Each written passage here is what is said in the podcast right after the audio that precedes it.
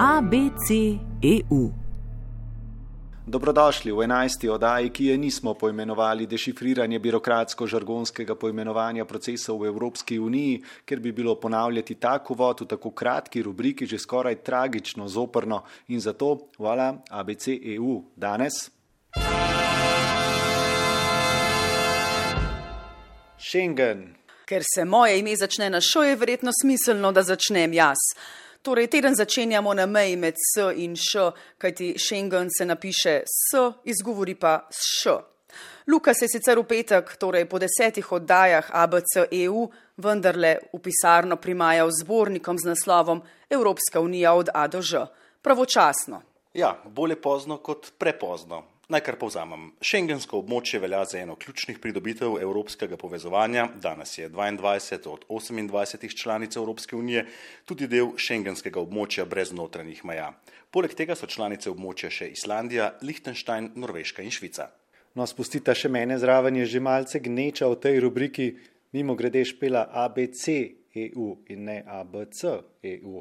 Območje je ime dobilo po kraju v Luksemburgu, kjer je leta 1985 peterica od desetih članic takratne Evropske gospodarske skupnosti podpisala dogovor o vzpostavitvi takega območja.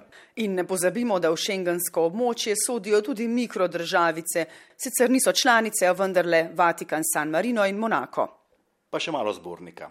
Slovenija je članica šengenskega območja, ki združuje približno 400 milijonov ljudi od decembra leta 2007.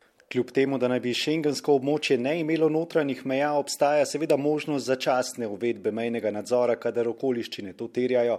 Trenutno ima začasne nadzore, ki se sicer zdijo že skoraj da stalni, šest članic: Francija, Nemčija, Avstrija, Švedska, Danska in Norveška. Schengen je sicer luksemburško mestece na tromeji z Nemčijo in Francijo.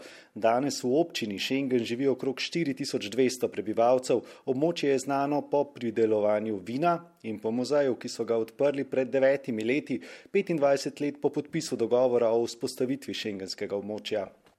In v tem muzeju so lani sprejeli 42 tisoč obiskovalcev, mestni turistični urad pa je zabeležil 38 tisoč gostov. Zgolj za ilustracijo, lani je Prirodoslovni muzej v Ljubljani skupno izdal več kot 40 tisoč vstopnic. No, me prav veseli, da je zbornik prišel prav.